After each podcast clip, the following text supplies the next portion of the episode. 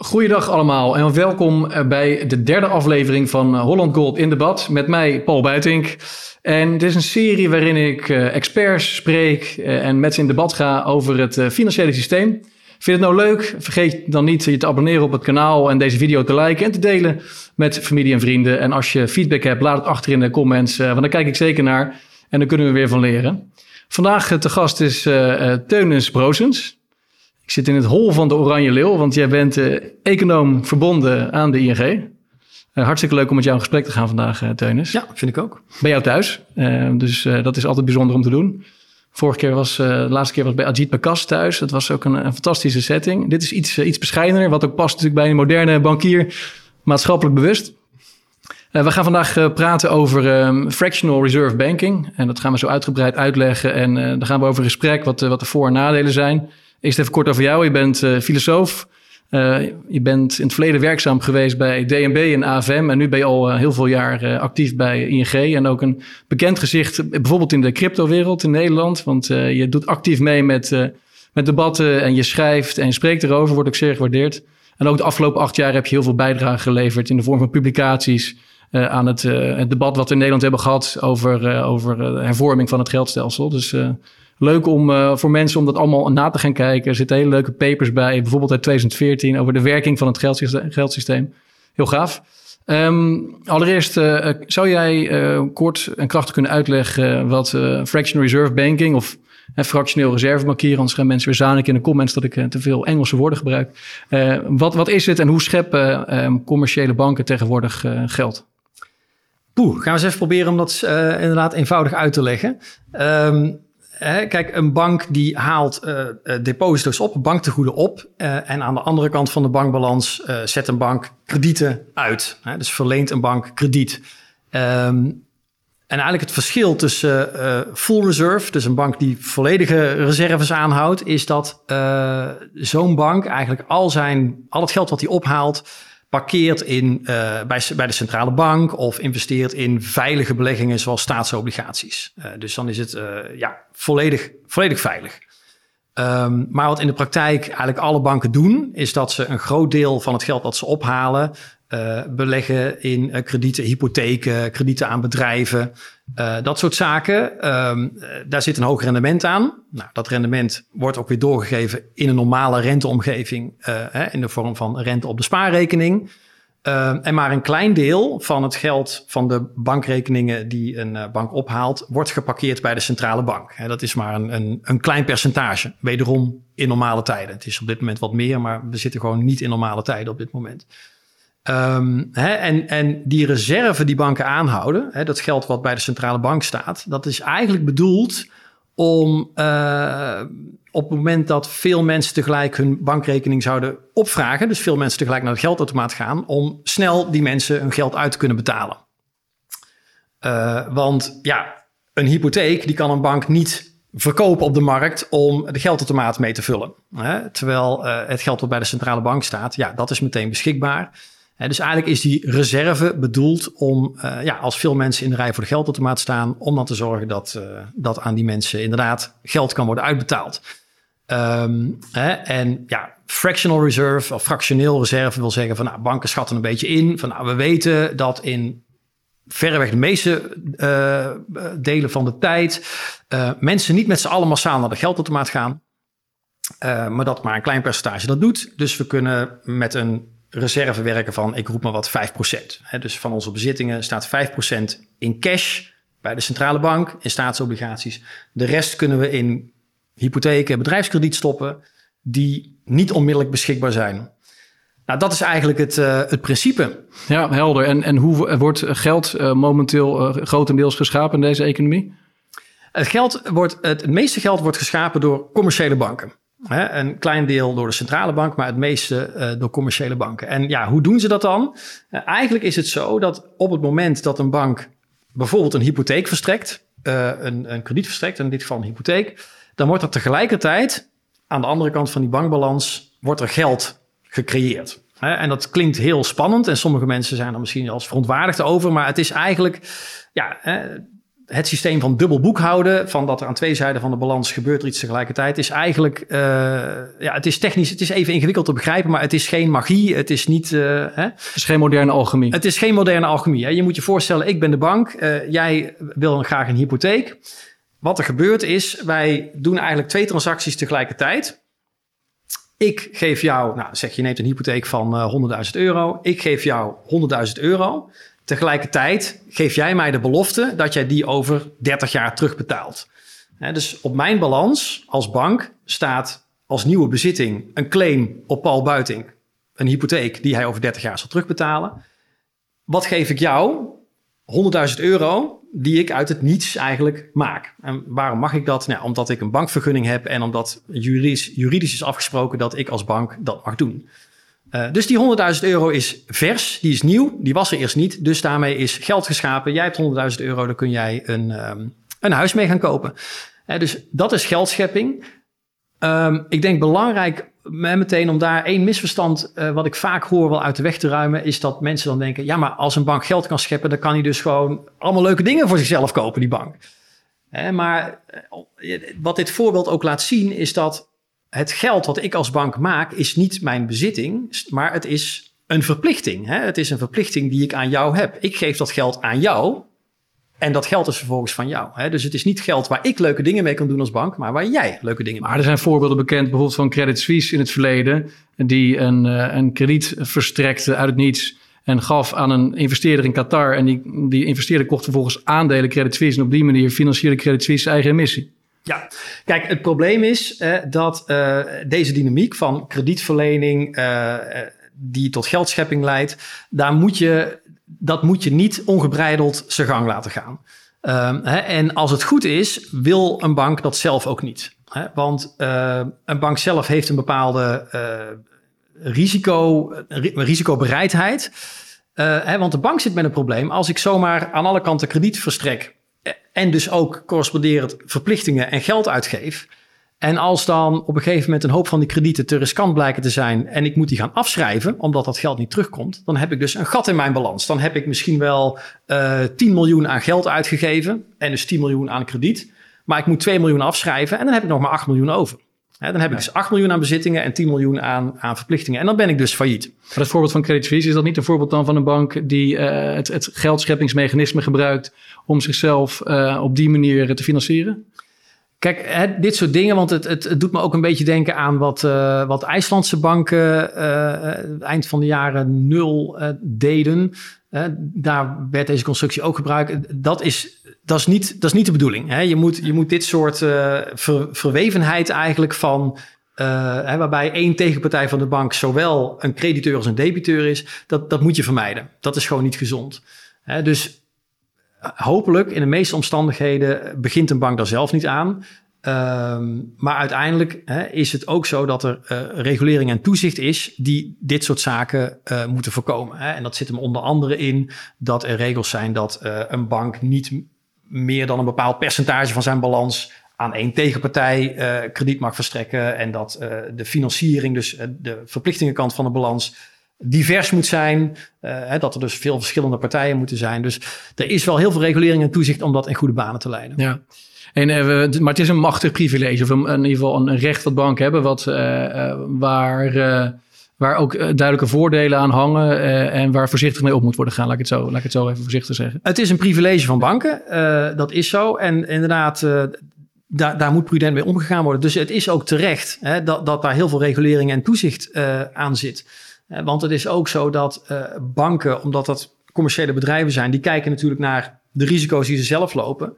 Maar er moet bijvoorbeeld ook gekeken worden naar de risico's in de hele economie, in het systeem. En uiteindelijk, hè, hoe prudent, hoe voorzichtig een individuele instelling ook is, hè, ik denk vanuit systeemperspectief, vanuit maatschappelijk perspectief, kun je niet van individuele bedrijven verlangen dat zij alle risico's en alle wensen in de hele maatschappij uh, meenemen in hun eigen commerciële beslissingen. En daarom heb je ook toezicht en regulering nodig die naar het systeemperspectief kijken en die zeggen van nou, we vinden nu de risico's in het hele systeem misschien te groot. Dus we gaan nu bepaalde beperkingen opleggen aan de individuele banken. omdat ze dat zelf misschien wel niet genoeg meenemen in hun eigen beslissingen. Nou goed, uh, om daar straks uh, nog uitgebreider over te praten. Ik wil nog even terug naar het verleden. Want je kunt uh, je met elkaar um, bespreken in de samenleving of dit een wenselijke positie is of dat we dat systeem aanpassen. Maar in, in het verleden, um, als, je, als je kijkt hoe bankieren ontstaan is, dan zie je toch wel best wel veel um, hoofdstukken in het verleden waarin naar voren komt dat het toch best wel vaak op een soort van oneigenlijke manier of zelfs frauduleuze manier tot stand is gekomen. Neem bijvoorbeeld het, het voorbeeld van de goudsmeden in, mm-hmm. in Engeland en Londen, die in de 17e eeuw uh, meer um, bonnetjes gingen uitgeven dat ze aan goud in de kluis hadden. Of als je kijkt naar de Amsterdamse wisselbank, in de, hoe die in de 18e eeuw uiteindelijk onderuit gingen, omdat ze in het geniep de VOC te veel hadden gefinancierd. Of meer recent voorbeeld in 1971, uh, toen Richard Nixon tijdelijk zogenaamd het, het goud, um, loket, sloot en dollars niet meer um, inwisselbaar, maakte voor, voor goud. Dus dat hele fractionele uh, bankieren in, in die verschillende vormen kan eigenlijk alleen maar um, blijven bestaan zolang de overheid het ook afschermt. Is, is, is er een soort van originele zonde, original sin, hoe, hoe, het ontstaan is? De, hoe het nu werkt, gaan we over, over praten. Maar de geschiedenis, is dat een, een, een schone geschiedenis wat met jou betreft? Dat weet ik niet. Kijk, ik denk uh, hè, dat het van alle tijden en ook heel menselijk is dat, dat mensen individueel en als ondernemers en als bedrijven uh, ja, soms ook de grenzen opzoeken. Hè, dus ik denk ook dat als je naar de geschiedenis van de financiële sector en van banken kijkt, hè, dat er nou, de afgelopen 200 jaar is daar een heel traject afgelegd ik eh, vind zelf eh, het eh, zogenaamde free banking in de VS altijd wel een, mooi startpunt. Dat was in de 19e eeuw, was een tijd lang was bankier eigenlijk niet gereguleerd. en, en je zag dus allerlei bankiers van allerlei pluimage zag je daar opkomen. enerzijds bankiers die inderdaad prima recht in de leer waren en het beste met de klanten voorhouden, voorhadden, tot mensen, bankiers die het niet helemaal begrepen, tot aan gewoon oplichters. Um, hè, en, en je zag dat dat systeem dus ook niet goed werkte. Omdat ja, een bank, hè, nou ik heb dan altijd een beetje zo'n beeld van het Wilde Westen met uh, de saloon en de dorpsbank. Hè, en dat zo'n bank, die gaf dan uh, banknotes uit. Uh, en die werden in het dorp zelf wel geaccepteerd. Maar één dorp verderop hadden ze al zoiets van: ja, ja ik, ken die bank niet zo goed, wat moet ik daarmee? dus ja, zag je dat de dollarbill van de dollarnote van één bank en die van de andere bank waren niet goed uitwisselbaar. Um, hè, maar we, zijn, we hebben een hele lange weg afgelegd. Um, hè, en wat mij betreft is de kern hier, waar, het, waar, je telkens weer op uitkomt, hè, is dat het is zo dat in fractioneel bankieren, in het financiële stelsel, daar zit een inherente spanning in. En die spanning zit hem erin dat de verplichtingen die een bank uitgeeft, oftewel de, bankrekening, die is uh, direct opvraagbaar die is in principe eh, risicovrij voor de klant.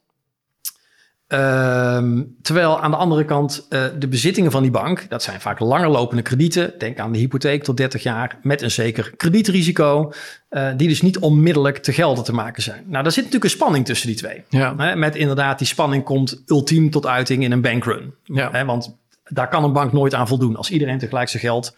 Hè, dus die spanning merk je omdat een bank dus kan leven uh, zolang niet iedereen tegelijk naar de bank gaat om zijn geld op te vragen. dus daar zit een spanning in. En die heeft er altijd in gezeten en daar is op verschillende manieren mee omgegaan.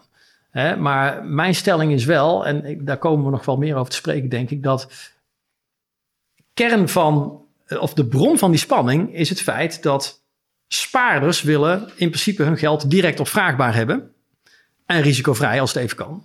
Terwijl als ik uh, bedrijven en uh, mensen die een hypotheek willen, die willen uh, helemaal niet dat hun krediet onmiddellijk opgeëist kan worden.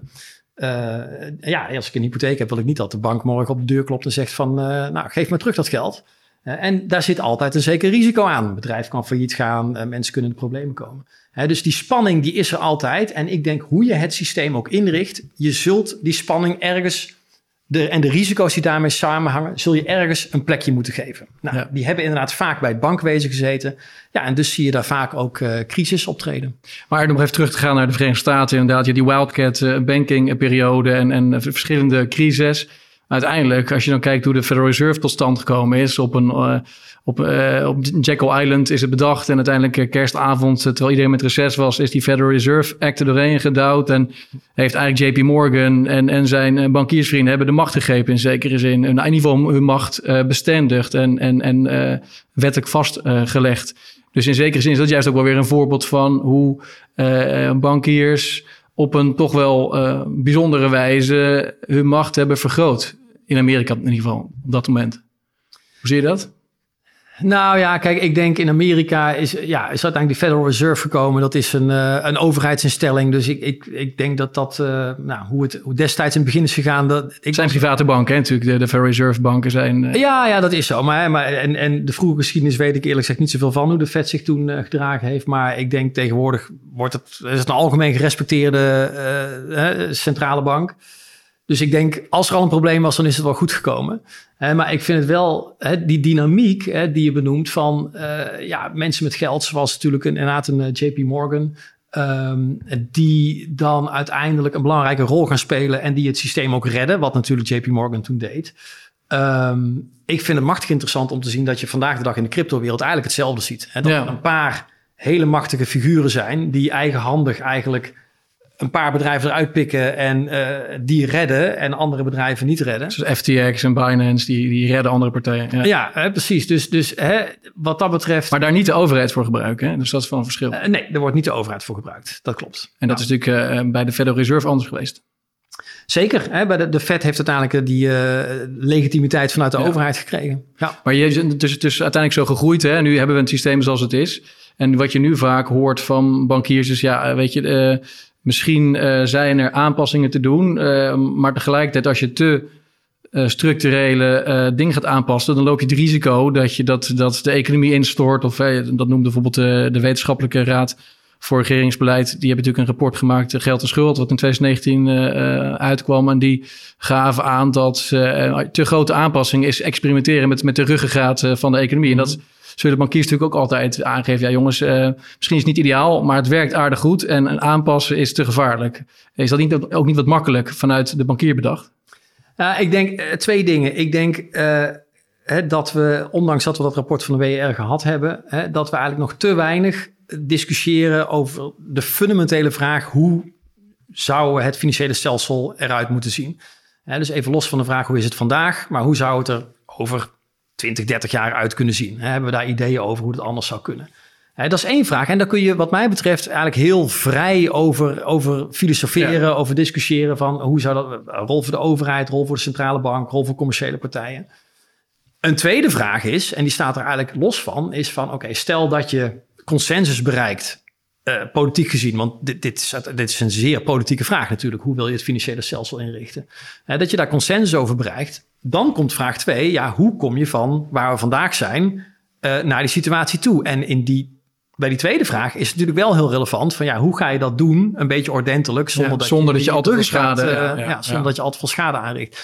Hè, maar ik denk, hè, het, het, het, het, moet niet zo zijn dat zorgen over die transitie, die moeten niet een goed gesprek over hoe zouden we het in theorie en wellicht in praktijk, hoe zouden we het anders kunnen inrichten? Ja. Moet dat gesprek niet in de weg staan? En in Nederland vindt dat gesprek natuurlijk plaats. Uh, waarvan acte, ik vind het bijzonder en ook wel heel erg Nederlands dat ik hier gewoon met een uh, econoom van de ING bij hem thuis kan praten over dit soort thema's. Ik denk dat in heel veel andere landen uh, die laagdrempeligheid en die openheid er niet is. Dus dat is compliment naar jou toe dat we dit gesprek kunnen hebben. En in Nederland hebben we dit gesprek natuurlijk het afgelopen jaren gevoerd.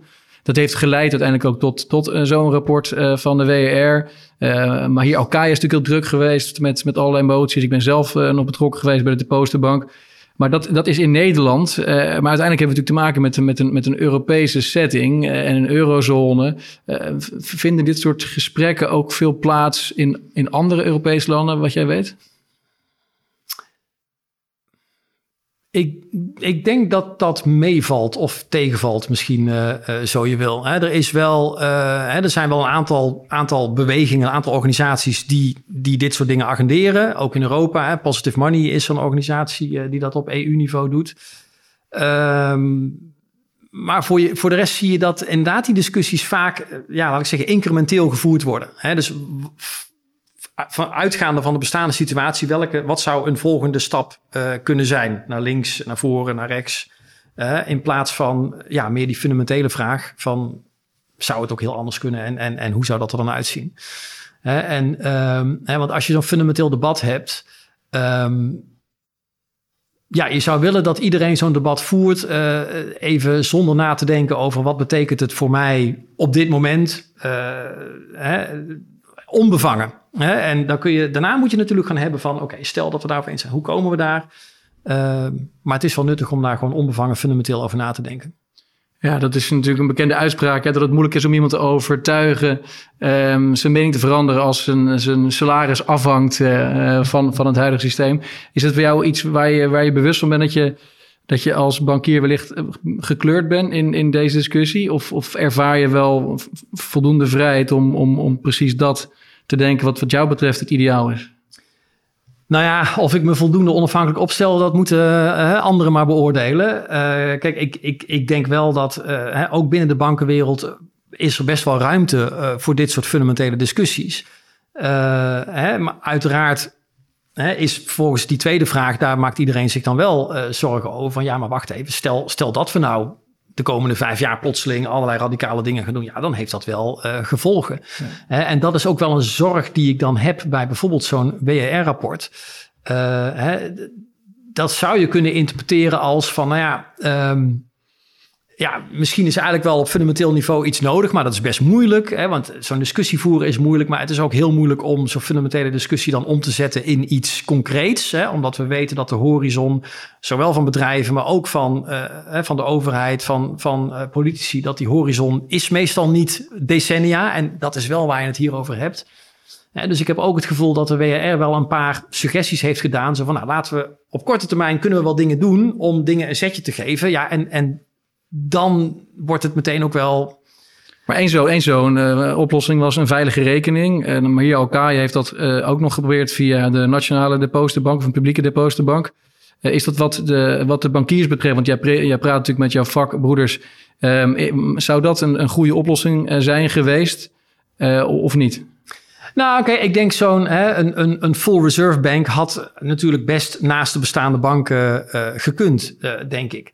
Um, hè, dan, dan hadden we, we hè, ook als, als uh, gewoon Nederlandse burgers concreet kunnen zien van ja, hoe ziet zoiets er nou als uit? Test, ja. Als test, wat zijn eventueel de kosten die, er, eh, die erbij komen kijken? Uh, hè, dan zouden we eindelijk ook een beetje concreet een idee hebben van hoeveel behoefte is er dan eigenlijk aan zo'n product? Hè, want er zijn natuurlijk wel enquêtes en zo, maar eigenlijk weten we dat natuurlijk niet echt dus wat mij betreft had dat best uh, gekund. dus in die zin is het jammer dat het gestrand is. Um, dat zou ook een mooie generale repetitie zijn geweest voor een eventuele digitale euro, waar, ze, waar de ECB nu heel druk mee is. Als, als dat experiment al was gefaald omdat er helemaal geen vraag naar was geweest bijvoorbeeld, dan had je wellicht die hele digitale euro niet hoeven op te tuigen. Uh, ja, wellicht. Hè. Want natuurlijk de invalshoek is wel weer ietsje anders uh, vanuit uh, de ECB met de digitale euro. Dat is echt een centrale bankproject. Hè. Terwijl natuurlijk zo'n full reserve bank kan, je, kan ook een commercieel project zijn. Het kan ook uh, een, een, uh, ondernemers eh, zijn die zoiets starten. Hoeft niet een publiek project te zijn per se. Maar het principe was hetzelfde. Gewoon een veilige rekening met getagd ja. door reserves bij de centrale ja. bank. Hè, maar wat ik wel interessant vind is dat we... Oké, okay, dus die Full Reserve Bank is er in Nederland uiteindelijk niet gekomen. Maar met de stablecoins, die natuurlijk in de cryptowereld ja. groot zijn... hebben we eigenlijk nu een product wat er wel heel erg op lijkt. Het is niet hetzelfde, maar het, het lijkt er wel heel veel op... En er komt nu dus ook regulering aan die eigenlijk die stablecoin ja, echt een, een plekje geeft in het, in het raamwerk en het hele toezichts- en reguleringsraamwerk. Hè, uh, waarmee. Waar leg nog eens uit wat een stablecoin eh, voor, voor, de, voor de eurozone is in dit geval. Kun, kun het... Ja, hè, dus die stablecoins komen eigenlijk uit de cryptowereld. En het zijn dus eigenlijk, ja, je zou kunnen zeggen, cryptomunten technisch gezien in de zin dat ze hè, op dezelfde infrastructuur draaien. Uh, hè, maar ze zijn één op één gekoppeld, meestal aan de dollar tot nu toe in de praktijk, maar kunnen ook aan de euro gekoppeld worden. dus je hebt dan een munt die inderdaad in principe uh, ja, 1 euro of 1 dollar waard is en waard moet blijven. Lukt niet altijd in de praktijk, maar dat is ja. het idee. Uh, en waarbij je dan dus op een blockchain infrastructuur uh, kan betalen, kan beleggen enzovoort. en tot nu toe zitten die stablecoins eigenlijk vooral in die crypto-wereld. Hè? Dus in, in de wereld van, van het beleggen, speculeren wat daar gaande is. Maar het is natuurlijk alweer drie jaar geleden dat, dat Facebook zijn eigen stablecoin aankondigde. Libra was dat destijds. En die hadden er echt wel grotere plannen mee. Hè? Die wilden dat, het ging helemaal niet meer over crypto. Dat ging over betalen met de Facebook-munt op het platform van Facebook. Dus, ehm, En dat was voor de ECB een, een concrete reden om na te denken over haar eigen munten. dat was eigenlijk, ik denk, ik denk dat dat de belangrijkste motivatie is geweest voor de ECB en andere centrale banken in de wereld om eh, echt wel vaart te gaan maken met onderzoek naar een, Ja. een centrale bankmunt. Omdat eigenlijk, eh, belangrijk nog even dat Facebook zijn plan was niet om een euro Libra uit te geven, het oorspronkelijke plan in ieder geval. Hè? Het was om een, een eigen munt gebaseerd op een mandje van valuta. Hè? En dus de angst van de ECB was van ja, maar wacht even, eh 2,5 miljard gebruikers wereldwijd, eh, prima platform wat gewoon goed functioneert. Dus een scenario wat plotseling reëel werd, was dat we in Nederland, in Europa, op termijn allemaal met Libra zouden gaan betalen. En misschien zelfs eh, onze salaris in Libra zou krijgen. En dat zou de ECB met zijn euro eigenlijk buitenspel zetten. Nou, dat is iets wat je gewoon echt niet wil als centrale bank. En wat ook vanuit overheidsperspectief gewoon niet wenselijk is. De euro is van de Europese overheden, van ons allemaal. Eh, En we willen niet een privaat uitgegeven munt, eigenlijk met een soort private centrale bank, met een ondoorzichtig proces, eh, de boel laten overnemen. Dus inderdaad, reactie eh, tweezijdig. Eén, Facebook eh, is verteld, dit gaat hem niet worden. Nou, dat hebben ze uiteindelijk Het is in de prullenbak gegooid ook. het is in de prullenbak gegooid uiteindelijk. En twee, inderdaad, centrale banken, de ECB ook, zijn begonnen. En hebben ook gezegd van ja, wij moeten dan wel een alternatief bieden aan onze bevolking. Ehm, een alternatief voor die Facebook stablecoin en mogelijk andere big tech platform stablecoins. En dat is dan de digitale euro. Ehm, is, dat, eh, is dat geworden. Ja, en nog even ehm, dan de, de verschillende voor- en nadelen van ehm, eh, geldschepping door banken, zoals dat nu gebeurt. Een belangrijk eh, nadeel vind ik dat er een gebrek aan marktwerking is. Je hebt een aantal grote banken, die verdienen miljarden per jaar. Die worden impliciet of expliciet beschermd middels allerlei soorten vangnetten, van de lender of last resort faciliteiten bij banken tot het depositogarantiestelsel, waar uiteindelijk ook natuurlijk eh, de belastingbetaler achter zit als het tekort schiet. Oh, Eh, oh, oh. Dus eh, ben je het met me eens dat, dat er te weinig marktwerking is in jouw branche? Het is moeilijk om een nieuwe bank op te richten. Er zijn bijna geen nieuwe banken bijgekomen de afgelopen jaren. Voor mij was eh, Bunk eh, de laatste alweer eh, zeven, acht jaar geleden. Is er een gebrek aan marktwerking? Is dat gezond? Eh, ik ben niet met je eens dat er gebrek aan marktwerking is. Eh, hè, kijk, ik denk ehm, er is veel regulering en toezicht. Hè, en het is eh, zeker zo dat in 2008 en de nasleep daarvan dat bleek dat er een te groot overheidsvangnet onder de banken lag in Nederland en eigenlijk wereldwijd.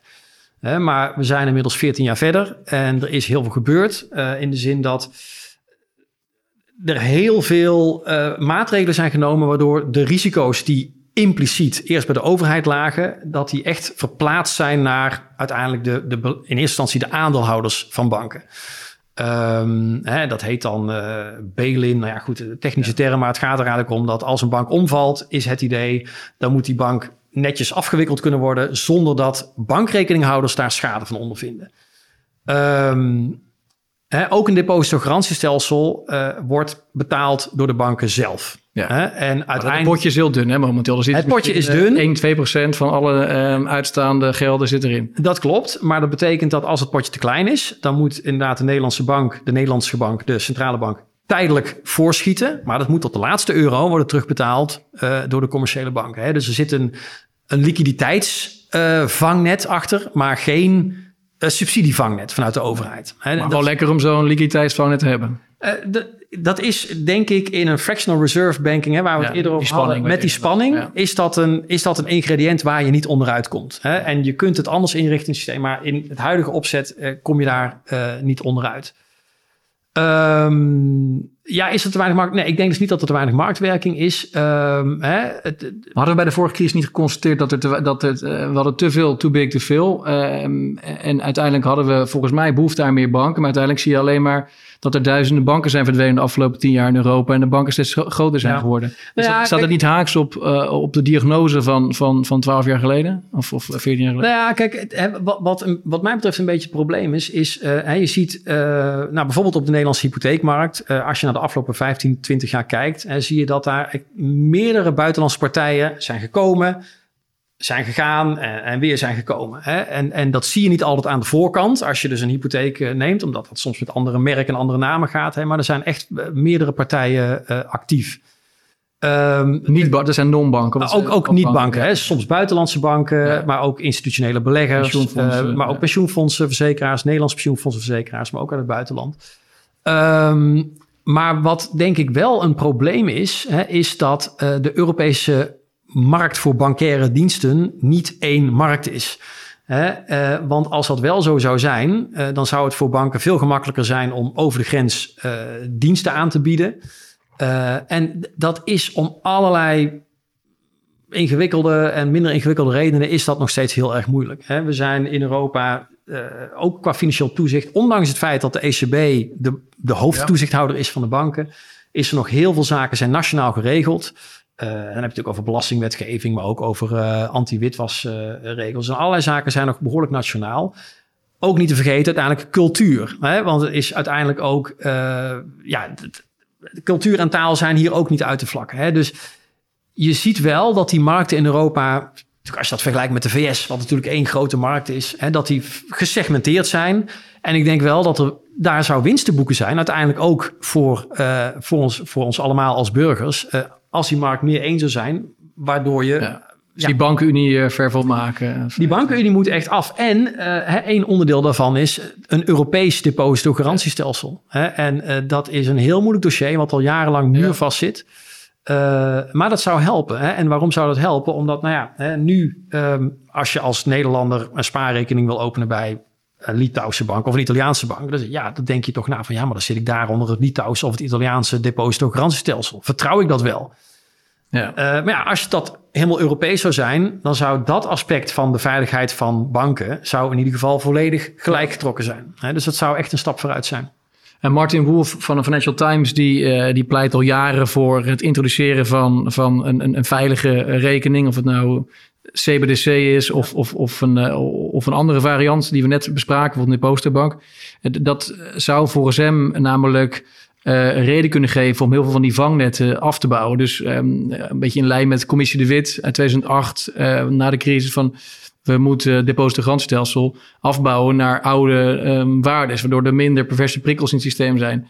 Ehm, eh, zou dat wat jou betreft eh, een- kunnen als we inderdaad naast de, naast de fractional reserve bank en een full reserve bank of een digitale euro neerzetten, dat daarna veel van die eh, vangnetten kunnen worden afgebouwd om eh, wat meer marktprikkels te geven aan de banken. Dat banken wellicht wat prudenter worden omdat ze weten dat er uitstroom kan plaatsvinden van geld naar een veilige rekening. Ik denk om dat op, naast elkaar te hebben, hè, dus echt een omvangrijke digitale euro ehm, of eh, full reserve bank of stablecoin eh, in, in grote omvang, hè, dus niet alleen als betaalmiddel, maar ook als spaarmiddel, naast bestaande fractional reserve banken. Ik denk dat dat geen, eh, om het als econoom te zeggen, geen stabiel evenwicht is, geen stabiele situatie. Maar die hebben we nu ook niet. Als je kijkt kijk, kijk naar het gedonde rondom de euro. De, de, de euro eh, staat weer zwaar onder druk. En dat heeft dan misschien niet zoveel te maken met de commerciële bank als Nee, meer precies. de ECB. Maar we, we kunnen toch nauwelijks constateren dat, eh, dat de Nee, euro eh, stabiel is. Dat is misschien zo, maar dat heeft andere redenen. Hè? Als we even kijken naar dat, dat, dat bankaire stelsel. hè? Kijk, ik denk uiteindelijk, en dan kom je eigenlijk op dat fundamentele debat over van, hè, zijn er verschillende, hè, die spanning tussen aan enerzijds die spaarder die onmiddellijk beschikking wil hebben over zijn geld en die dat liefst risicovrij wil.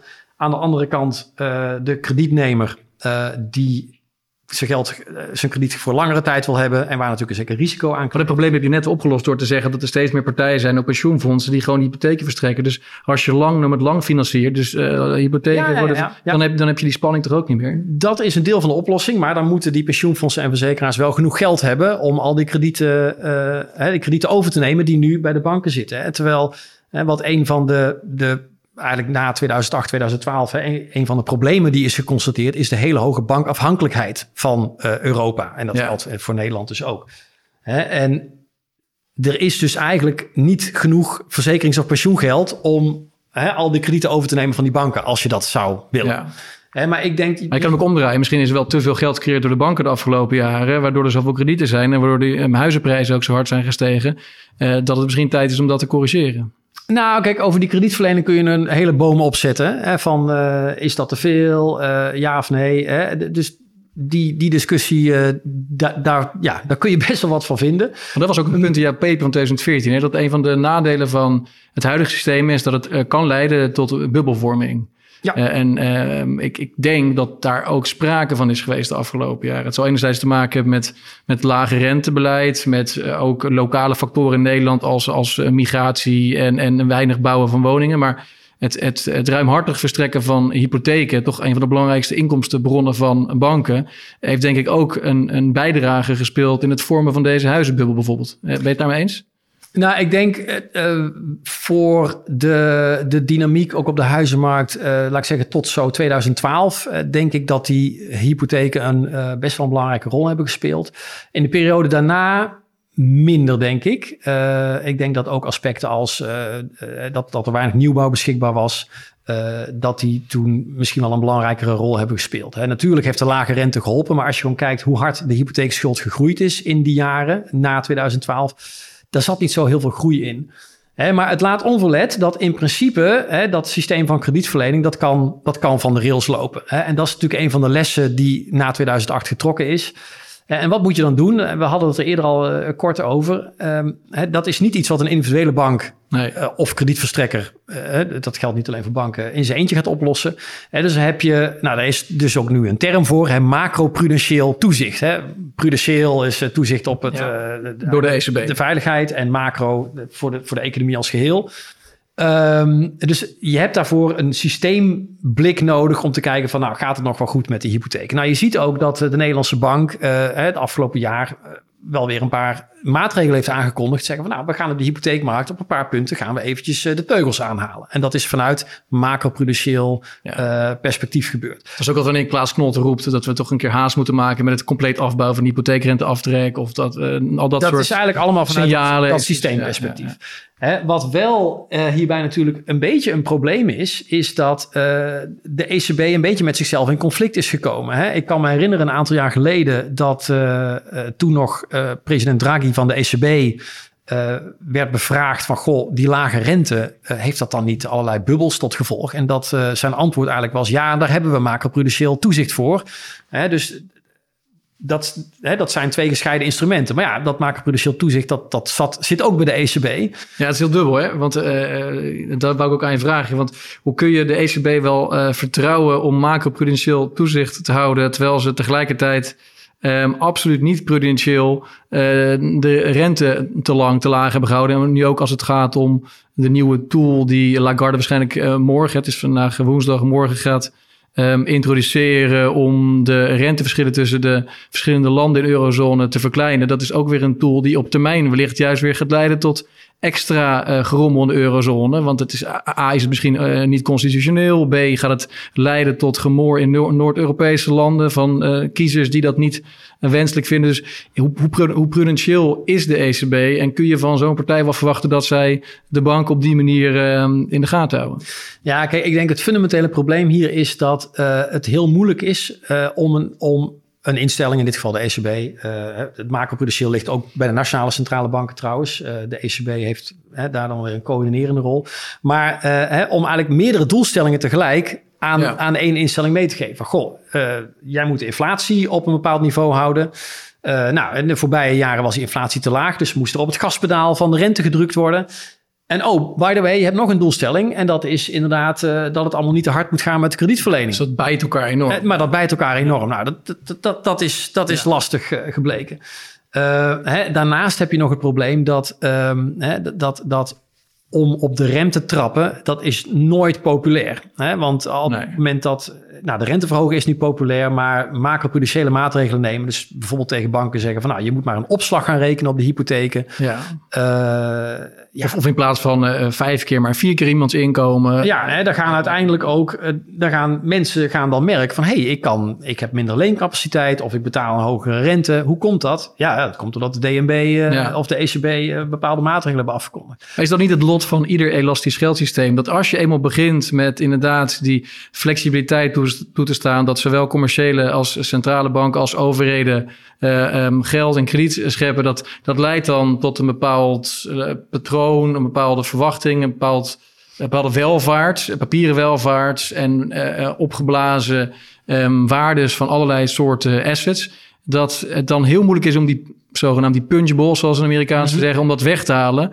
En dat is eigenlijk een beetje de trend van de afgelopen 40 jaar. Dus de rente wordt steeds lager en lager. En iedere keer als een crisis komt, lossen ze het op door meer schuld uh, tegen, uh, tegen nog lagere rentes met nog langere looptijden. Net zo lang tot het, tot het niet meer gaat. En uh, gevoelsmatig, maar misschien ben ik daar wel te fatalistisch in, zitten we nu op een punt dat het eigenlijk gewoon niet meer verder kan. Want ze proberen dus nu de rentes te verhogen, maar je zien dat het met tot zoveel weerstand lijkt, leidt, dat dat waarschijnlijk alweer op korte termijn ongedaan wordt gemaakt, nog zelfs voordat ze überhaupt echt begonnen zijn. Heb jij ook het idee dat, dat het eh, geldsysteem wat we, wat we nu hebben, dat dat uiteindelijk uh, een eindig is, omdat het nou eenmaal de, de dynamiek is van, van dat systeem. Van steeds meer schuld tegen steeds lagere rentes tot je tegen de muur aanloopt.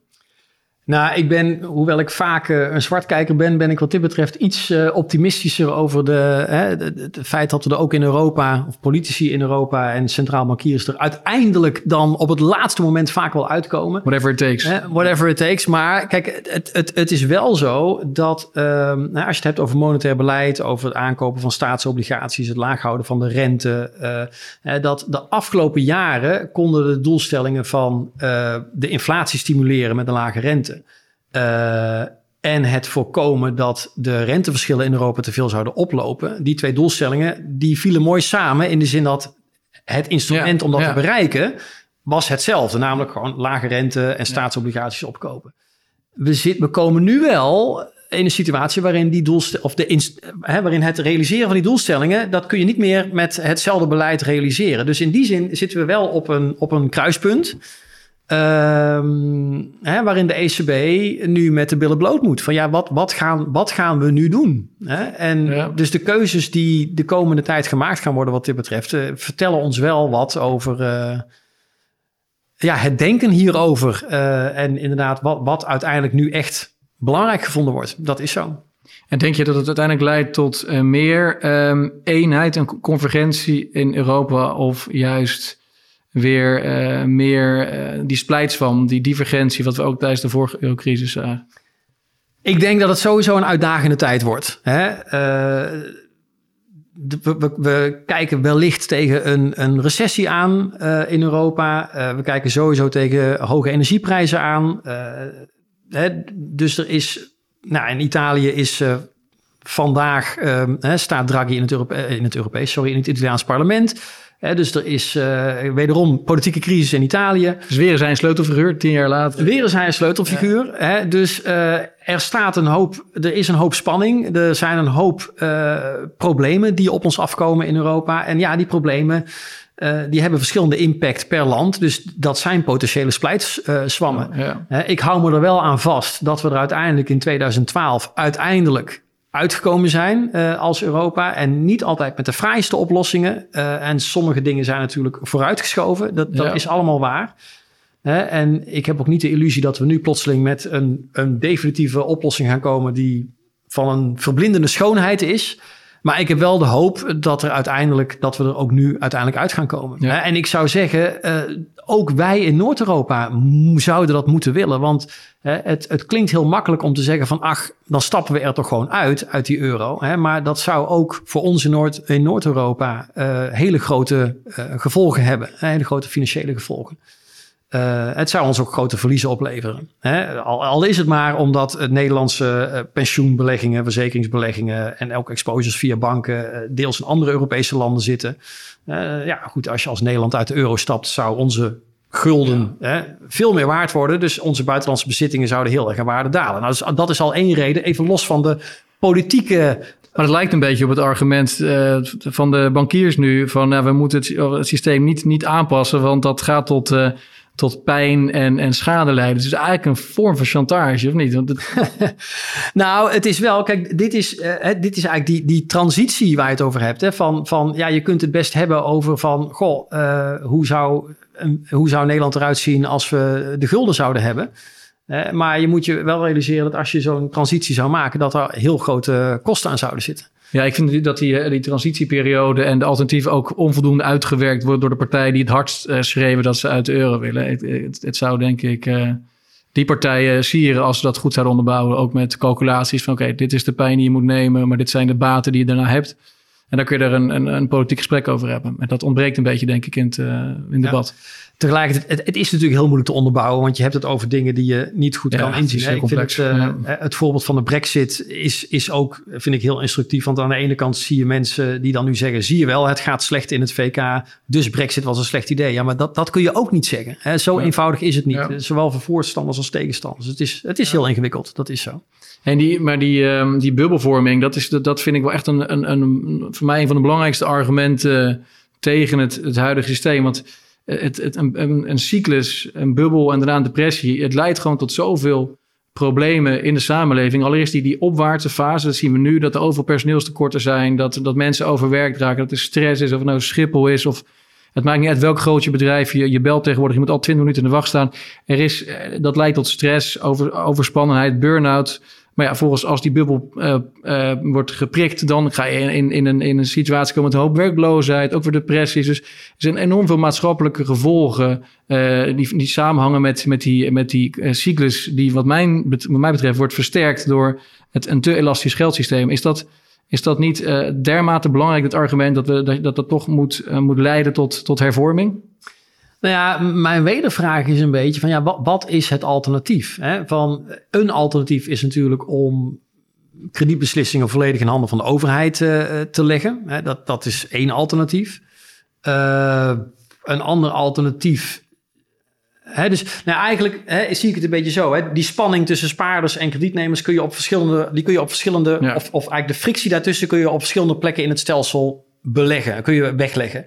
En nu ligt die bij grotendeels bij de banken en deels bij marktpartijen die daar ook tussen zitten. Uh, grotendeels bij de banken.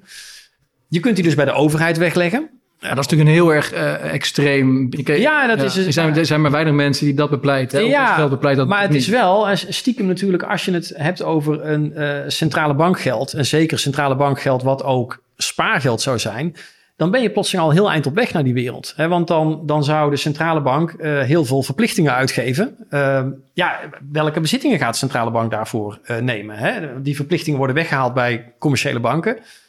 Dus dan eigenlijk vanzelf zou de centrale bank linksom of rechtsom een grotere rol in de kredietverlening krijgen. Hè? Dan wel direct, dan wel indirect doordat ze. Ja, maar natuurlijk ook een. Dan, dan, uh, de, jouw aanname is dan dat de centrale bank inderdaad dat op die wijze moet uitgeven. Terwijl als je kijkt naar de plannen van ons geld, zeggen ze nee, we hebben daar überhaupt geen centrale bank voor nodig. Je kunt een, een vierde macht optuigen, een register die die uh, punten uitgeeft. Het zijn gewoon tokens. En daar hoeft geen dekking achter te zitten. Dus je hoeft niet in plaats van dat is, een centrale bank is nu feitelijk een centrale beleggingsonderneming die alle assets koopt. Maar je kunt ook, ook een organisatie hebben die deze tokens uitgeeft zonder dat daar uh, assets aan ten grondslag liggen. En dan kun je een vraag stellen, oké, hoeveel, hoeveel, waarde heeft dat dan? Maar goed, als het een wettig betaalmiddel is, dan zit er natuurlijk altijd um, de, de, de macht van de staat achter om dat een waarde te laten hebben. Maar goed, hè, ik, ik denk wel van, hè, want dan, dan verlaat je dus dat idee wat eigenlijk hè, de afgelopen paar honderd jaar in het financiële stelsel is van een balans. Hè, met iedere verplichting moet gedekt worden door een bezitting. Dat verlaat je dan. En dan kom je natuurlijk heel erg in de wereld van die we in crypto ook hebben. Ja. Hè, waarbij cryptomunten inderdaad. Ja. Bitcoin is een goed voorbeeld. Want je verlaat het idee van ja. geld is schuld. Uh, en, en, en, geld kan ook goud zijn of bitcoin. Of inderdaad, wat die jongens willen, uh, een, een, een token uitgegeven door een ledger uh, van een centrale nee, partij. Dus dat kan. Alleen ik denk een vraag die nog open staat, hè, die nog niet beantwoord is, empirisch gezien, hè, is inderdaad hoe stabiel gaat dat geld dan zijn? Uh, hè, nou, we zien natuurlijk in crypto zien we volatiliteit. Um, ja, hoe gaat dat met dit geld zijn? Hè? Ik bedoel, Oké, okay, de overheid zit erachter, maar dat, ook dat creëert dan een prikkel voor de overheid om, als het overheidstekort hoog is, uh, dan maar even wat tokens bij te printen. Nou, dan zegt inderdaad vierde, vierde macht. Een vierde ja. macht. Ja. Oké, okay, maar we weten, hè, we weten ook hoe moeilijk het is om um, overheidsinstellingen, waartoe ik ook de centrale bank reken, om die echt effectief op afstand van de overheid te zetten. Dat ja. is ik denk dat, hè, hoe onaf, ik denk dat we dat in Europa behoorlijk goed geregeld hebben. Zeker met de ECB, die natuurlijk eigenlijk boven nationale overheden staan. Dus dat is, misschien is de ECB wel de meest onafhankelijke centrale bank uh, ter wereld. Um, maar daar, daar, daar, ben ik het wel heel erg mee oneens. Als je, als je kijkt hoe ze nu een groene agenda eh, implementeren zonder dat dat uh, in hun mandaat ja, nee, terugkomt. Of hoe ze toch met man en macht proberen die politieke unie uh, door te drukken. waar nou ze ja, openlijk voorstander van zijn. Kijk, maar, maar goed, maar dat geeft dus aan dat, dat zelfs als je een instituut zo onafhankelijk probeert te maken Ja. in verdragsteksten, dat, dat in de praktijk is dat heel, is, is dat heel moeilijk. Dus ik maak me dan wel zorgen. Ik denk, ja, leuk, een, een vierde instituut, onafhankelijk, maar Ja, de hoe, lang, hoe lang blijft het onafhankelijk? de geschiedenis leert, nou laat ik het positief zeggen, dat het verdraaid lastig is om die onafhankelijkheid te bewaren. En dat is wel cruciaal in dit plan. Hè, want eh, om, om voor de waardevastheid eh, van die token. Hè. Bij Bitcoin is dat geregeld omdat je natuurlijk het aanbod van Bitcoin vastgelegd hebt in het Ja. algoritme. Ehm, ja, hier zou je, ja, je hebt twee keuzes. Of je legt dat ook vast in het algoritme, eh, of je legt het in handen van eh, de, de bevoegdheid van het instituut zou je eigenlijk zeggen, is dat niet hetzelfde? Want als je het vastlegt in het algoritme, maar ja, dat instituut is de baas over het systeem, dus kan het algoritme ook veranderen. Ja. Ja, dat risico loop je altijd met de nationale munt natuurlijk. Hè. En dan, Ja. eh, met bitcoin heb je wereldwijd eh, een consensus nodig om, eh, of de meerderheid van stemmen om uiteindelijk eh, zo'n wijziging door te voeren. En dat is op, op nationaal niveau natuurlijk wat makkelijker voor elkaar te krijgen. Nou ja, precies. Dus, dus hè, mijn vraag is wel van ja, Ja. los je dan echt iets op uiteindelijk? Of wissel je de Ja. ene spanning, potentiële instabiliteit hè, in voor eh, iets anders, wat misschien op termijn niet heel stabiel is? Maar je kunt wel, denk ik, eh, en, en da- daar wordt, ook heel veel over gesproken, al jaren. Bijvoorbeeld Dirk- Bezemer praat erover. Nou ja, productieve assets en niet productieve assets. Dat je, bijvoorbeeld, dat je alle bestaande eh, assets, dus een bestaande woning, ehm, dat eh, als je, als je daar een hypotheek voor wil, zou je dat moeten regelen via een, via een, een, een pensioenfonds bijvoorbeeld. Dat, dat een, een bank die dat geldscheppende privilege niet kan gebruiken voor bestaande assets, maar alleen voor nieuwe, voor productieve doeleinden. Zodat je zodat de, de geldhoeveelheid meeademt met Mhm. de economische groei. Waardoor je dus, eh, denk ik, eh, minder last hebt van, van zeepbelvorming. Je hebt nog steeds te maken met kuddegedrag. En zelfs in een full reserve systeem Mhm. zal je natuurlijk een bepaalde eh, eh, beweging krijgen. Wellicht dat huizenprijzen stijgen. En dus meer ehm leninggevers daar opspringen. En uiteindelijk alsnog een soort van bubbel krijgt. Maar dan wordt er in ieder geval niet meer olie op het vuur gegooid. Doordat je zo makkelijk die geldhoeveelheid kan vergroten als, als commerciële banken za- gezamenlijk nu. Dus dat zou een concreet eh, aanpassing kunnen zijn die denk ik goed zou werken. Het, bedoel, je kunt het natuurlijk zo inrichten, maar hè, ik denk, hè, ik zeg ook niet dat dat niet kan werken. Natuurlijk zou dat kunnen werken. Hè, alleen, je hebt altijd eh trade-offs. Er zijn altijd, altijd voor- en Zeker. nadelen. Hè, want natuurlijk ook in zo'n stelsel. eh, linksom of rechtsom zou het betekenen dat er uiteindelijk iemand een hypotheek wil die teleurgesteld wordt. Hè? Want ja, het pensioengeld is Ja. op. Of, eh, nou ja, of jij, jij wou drie ton, nou, je krijgt er anderhalf. Meer, eh, meer krijg je niet, want eh, het geld is op. Of we moeten dat een beetje netjes verdelen over iedereen. Ehm, hè, dus die keuzes zijn er ook. En andersom gezien, kijk, eh, eh, pensioenfondsen beleggen in Nederlandse hypotheken, maar maar een klein plukje van hun eh, pensioenvermogen. Hè. De, het, het, de bulk zit in andere zaken en ook in het buitenland. Zoals Italiaanse staatsobligaties. Onder andere, maar ook andere obligaties. Hè? Omdat pensioenfondsen natuurlijk primair een, een, de verplichting hebben om een mooi pensioen te regelen voor hè, hun pensioengerechtigden.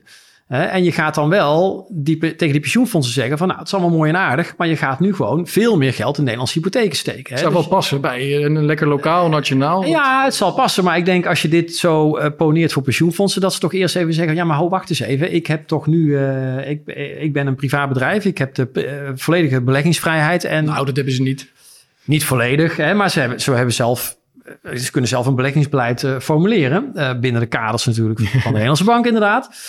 Maar ze hebben in principe hun eigen beleggingsvrijheid. En die zou je dan ook inperken. En dat kan allemaal, maar het betekent wel dus dat je inderdaad politieke keuzes eh, oplegt. In dit geval aan pensioenfondsen, verzekeraars. Ja. En dus mogelijk aan particulieren tegen wie je zegt van ja, sorry, ehm, het is vandaag 1 december en we hebben gisteren op 30 november eh, is, was het budget op. Ja, het zal wel betekenen dat daardoor de huizenprijzen misschien wat minder eh, eh, hard stijgen. En misschien zelfs gaan dalen. Dus die persoon die dan wellicht moeilijker aan een hypotheek kan, kopen, kan komen, die kan wel een huis tegen een, een betere prijs kopen.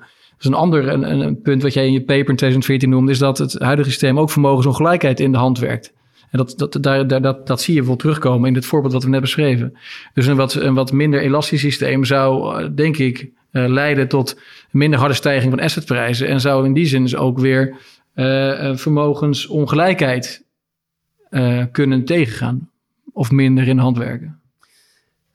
Ja, mogelijk. Hè. Ik denk, hè, nou ja, waar we het eerder over hadden, hè, tot 2008, eh, 2012 eh, is het toch wel te hard gegaan met de hypotheken. Eh, en dat heeft, een effect, dat heeft effect gehad. Dat is zo. Eh, ik denk dat sindsdien, hè, ligt dat allemaal wat genuanceerder. Uh, hè, dus, hè, maar het blijft zo. Je hebt, je hebt altijd herverdeling. Je zult ook, hè, als je dit soort hervormingen doorvoert, zul je ook, zul je ook weer bepaalde herverdelingseffecten krijgen. En ik denk, hè, het zou zo mooi zijn als we het op een of andere manier kunnen regelen dat iedereen er blij van wordt. Maar je zult, je zult winnaars en, en, ja. en verliezers hebben. Hè? En ja, dat. Ben jij een winnaar? Nou, dat weet ik niet. nou ja, het is niet wel mooi dat we dit uh, zo kunnen bespreken met elkaar. Um, maar ja, dat is, uh, ja, wat kunnen wij hier uh, in Nederland aan doen nog verder? Hè? Of, er zijn natuurlijk heel veel plannen gaande, maar wat, wat adviseer jij dan um, de Nederlandse regering of, of, of Kaag als het gaat om bijvoorbeeld de digitale euro of als het gaat om, om een aantal van de andere ideeën die we net besproken hebben? Wat moeten ze daarmee doen? Ik denk dat mijn belangrijkste advies zou zijn: uh, focus niet alleen op die digitale euro of op full reserve banking. Uh, zoom uit en kijk wat breder naar het systeem. En bedenk je dan inderdaad voor die lange termijn of als gedachte-experiment.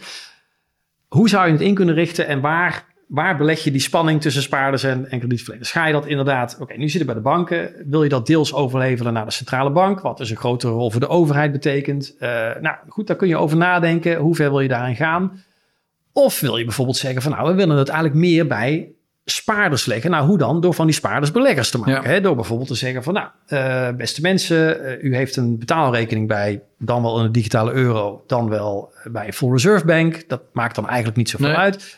En al het andere wat u heeft, dat is geen spaargeld wat risicovrij is, maar dat is in principe een belegging waar u risico op loopt. Dat is natuurlijk ook een, een, dat is, dat is een mogelijke ingang. Want dan, hè, dan kun je tegen banken zeggen van nou, uh, lever je bankvergunning maar in. We stoppen met het depositogarantiestelsel. We hebben full reserve banken en we hebben beleggingsfondsen eigenlijk. Dan heb je die marktwerking uiteindelijk waar we het begin van het gesprek over hadden. Dan heb je die marktwerking. dan kunnen die banken ook fiet dan kunnen die banken ook failliet. Maar ja, de keerzijde is dus dat uh, hè, er mensen zullen zijn die zeggen: ja, mijn zuurverdiende spaarcentjes moet ik nu noodgedwongen beleggen. En dan gaat het een keer mis. En dan ben ik mijn ja, dat is dan geen spaargeld meer. Het is dan een belegging. En dan ben ik mijn belegging uh, leidt ja, grote C'est la vie. Want nu hebben ze schijn, ja, schijnveiligheid. Weet je, nu, nu lijkt het allemaal heel erg stabiel. Maar onderhuids uh, borrelt er van alles. Uh, waar ze eens in zoveel tijd mee worden geconfronteerd. Als er weer een, een, een systeemcrisis Ja, kijk, je zou hè, in zekere zin zou je kunnen zeggen... bepaalde de risico's die samenhangen met die spanning... Hè, ja. tussen die spaarder en die kredietverlener wordt... Kijk, als je die... Nu zit die inderdaad in het systeem bij de banken... En, en hebben we daar regulering en toezicht omheen gebouwd... Uh, die kun je bij de overheid leggen en dan, dan wordt de overheid expliciet degene die het risico draagt. Hè? Je kunt hem inderdaad ook bij de individuele spaarder leggen en dan wordt die expliciet de persoon die dat, die dat risico draagt. Wat ik me wel afvraag als je die invalshoek kiest, is: we hebben decennia achter de rug hè, waarin we eigenlijk een cultuur hebben. Dat is niet alleen in de financiële sector trouwens, dat geldt voor de hele maatschappij. Hè, van alles is veilig en alles moet veilig. De rubbertegelmaatschappij. De rubbertegelmaatschappij. Hè? En dus dit zou wel een radicale breuk zijn met de rubbertegelmaatschappij. Hè? Dit zou... We gaan dan tegen mensen zeggen van, nou goed, u heeft een betaalrekening. Uh, ja, en als je wat rendement wil, ja. dan moet je risico nemen, beleggingsrisico. En dan gaan natuurlijk heel veel mensen zeggen, ja, maar dat ben ik helemaal niet gewend. En hoe moet dat? Hoe, hoe, hoe zit dat? Uh, veel mensen zullen het wel doen, maar zullen dat niet begrijpen. Eigenlijk begrijpen, zullen niet helemaal doorgronden wat ze doen, totdat het misgaat. En, en zullen dan toch, hè, zoals natuurlijk mensen in het verleden, bij, zoals het bij iSafe ging, hè, bij ja. de IJslandse banken, zullen dan uiteindelijk toch als het misgaat, uh, naar de overheid of de toezichthouder stappen en zeggen: ja maar, ja, maar ik wist niet dat dit kon ja, gebeuren. Dan moet je sterk zijn. En dat is gewoon ook een kwestie van educatie. En al op de basisschool en, en de middelbare school uh, dit ook meegeven aan kinderen, aan, aan studenten: van dit is hoe het leven werkt. Ja. Risico, rendement. Nee, dus dit is een keuze die je kan maken. Maar ja. dan hangt dit er allemaal wel aan vast. Hè? Dan, dan, Je zou dus bij wijze van spreken kunnen zeggen: van nou, we willen, naar, we willen hier naartoe. Nou, we weten dat gaat een paar decennia kosten. Uh, niet alleen om de transitie te maken van een bankgebaseerde financiële sector naar hè, beleggingsfondsen, zeg maar.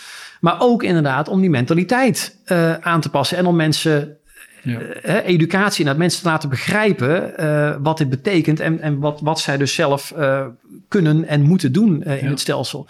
En daarom zeg ik van ja, dit is, dit is een richting die je kan nemen. Hè? En ik denk dat, dat sommige mensen in de bankenwereld inderdaad zullen zeggen van nou, waarom niet? Ja. Want dan kunnen wij onze bankvergunning inleveren. Uh, depositogarantiestelsel kan afgeschaft worden. Dus ook de premies die ervoor betaald worden. Uh, dus je zou kunnen zeggen, in zekere zin zou het, ja. het leven van een bank misschien wel wat, uh, nou in ieder geval minder gereguleerd worden, laat ik het zo zeggen. Uh, maar ja, dat is dus wel, ja. hè, dat, dat heb je niet van vandaag en morgen geregeld. Nee. En ik denk wel, en daarom denk ik van ja, dit, dit soort gesprekken, dat moet je dan echt ook politiek, dat moet je gaan plannen. Je moet het eens worden over, oké, okay, willen we hier naartoe? Nou prima. Maar dan hangt dit eraan vast, educatie enzovoort, alle kanten, dat hangt er allemaal aan vast. Ja. En eigenlijk, en dat is natuurlijk ook nog een beetje problematisch. Uh, dit, ik, vraag, ik denk niet dat je dit als Nederland in je eentje kan doen, gegeven dat we in de eurozone zitten. Dat, dat wordt ja, dus, Maar dit zou wel bijvoorbeeld, uh, stel dat je dan toch, uh, dat, dat we het moment toch gaan krijgen dat de euro wankelt of ophoudt te bestaan, dan zou dit in ieder geval een hele interessante denkrichting zijn uh, of, of model waarop je een gulden zou kunnen baseren.